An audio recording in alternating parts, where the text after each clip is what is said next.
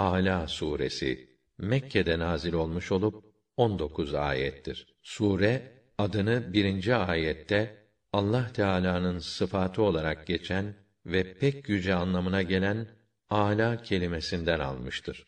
Rahman ve Rahim olan Allah'ın adıyla tenzih et Rabbinin yüce adını.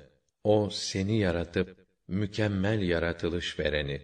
O her canlıyı bir ölçüye göre yapıp hayatının devamını sağlayacak yolları göstereni. O yeşillikleri çıkarıp sonra da onu kara kuru bir çöpe çevireni.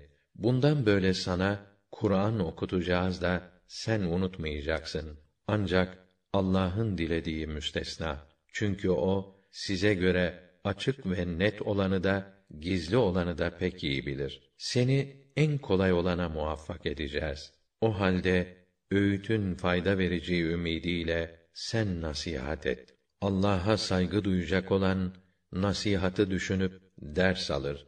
Ama pek bedbaht olan ise ondan kaçınır. Böyle olanlar ahirette en büyük ateşe girer.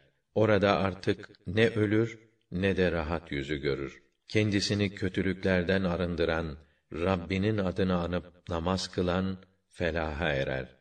Fakat bilakis siz dünya hayatını ve zevklerini tercih ediyorsunuz. Halbuki ahiret mutluluğu daha üstün, daha hayırlı hem de ebedidir. Bu elbette önceki sahifelerde İbrahim ile Musa'ya verilen sahifelerde de bildirilmiştir.